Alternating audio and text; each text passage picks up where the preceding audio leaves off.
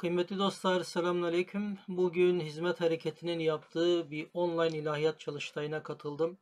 Konular şöyleydi, topluma din hizmetlerini ulaştıran birer gönüllü ve ilahiyatçı olarak bulunduğumuz Kuzey Amerika ülkeleri içinde dini hizmetlerimizi olması gerektiği şekilde A. Nasıl canlandırabiliriz ve nasıl geliştirebiliriz? B. Eksiklerimizi nasıl düzeltebiliriz? E, bu vardı. Ondan sonra bulunmuş olduğunuz yerde adaptasyonla alakalı e, olumlu olumsuz tecrübelerinizi anlatın e, tarzında e, böyle bir çalıştay yapıldı. Ben tamamına katılamadım maalesef. E, girişte katıldım. Orada e, Doktor Ahmet Kurucan e, Bey'in bir e, sunumunu takip ettim. Çok önemli bulduğum ve istifade etmiş olduğum bir sunumdu. Kendisi şu şekilde başladı.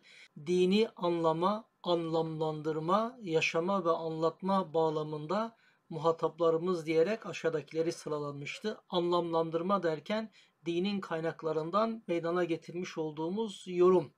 Buna içtihat farkı da diyebilirsiniz, başka şey de diyebilirsiniz. Bunu söylüyorum çünkü bununla alakalı bir şey ifade edeceğim.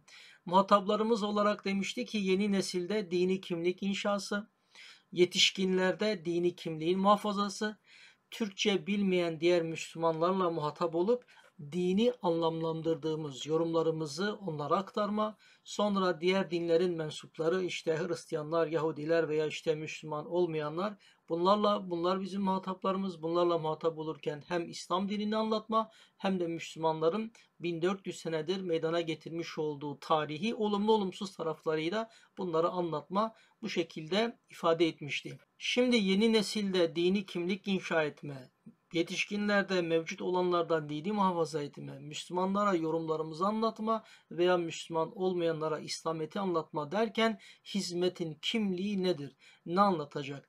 Hizmetteki insanlara sormuş olduğunuz zaman büyük oranda itikatta maturidi veya bir bazıları eşari, amelde hanefi ve şafii bu şekilde ifade ederler.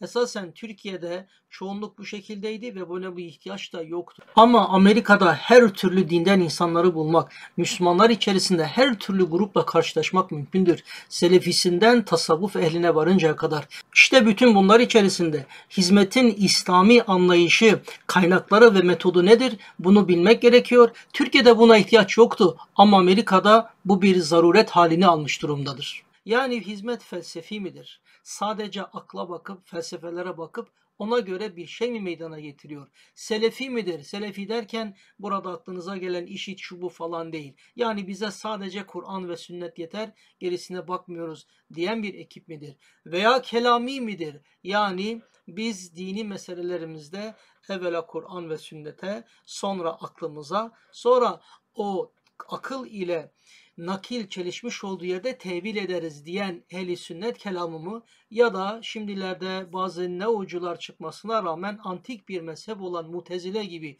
evvel aklımıza bakarız Eh sonra biraz Kur'an'a bakarız. Çatıştıkları yerde zaten aklımızı esas alarak tevil, e, tevil ederiz.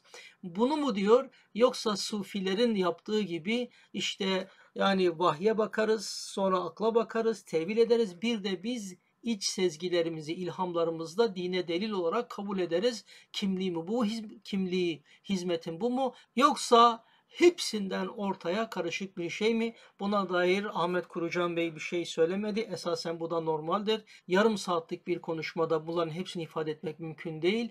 Ama başka yerde de sistemli bir şekilde, belki didaktik bir şekilde Avrupa'daki, Amerika'daki insanlara hizmetin hangi kaynaklardan, hangi metotla itikadı özellikle anlattığını benim buna dair çok bilgim yok. Esasen bu sadece hizmetin bir problemi değil, Selefiler dışında günümüzde bu alanlarda tevil eser yazan grup neredeyse yok gibidir. Sunumun sonunda Ahmet Kurucan önemli bir şey söyledi. Dedi ki eskiden insanlar inkar-ı uluhiyetle İslamiyet'ten çıkıyorlardı. Allah'ı inkar ederek İslamiyet'ten uzaklaşıyorlardı. Onun için Müslümanlar büyük oranda ispatı vücut yani Allah'ın varlığını ispat etme üzerine çok fazla argümanlarını oluşturuyorlardı. Ama şu anda günümüzde sekülerleşme ve dünyevileşmeden dolayı insanlar İslamiyet'ten uzaklaşıyor. Yani insanlar şimdi diyor ki neden işte iki tane şahit kadın bir e, erkek şahide eşit oluyor?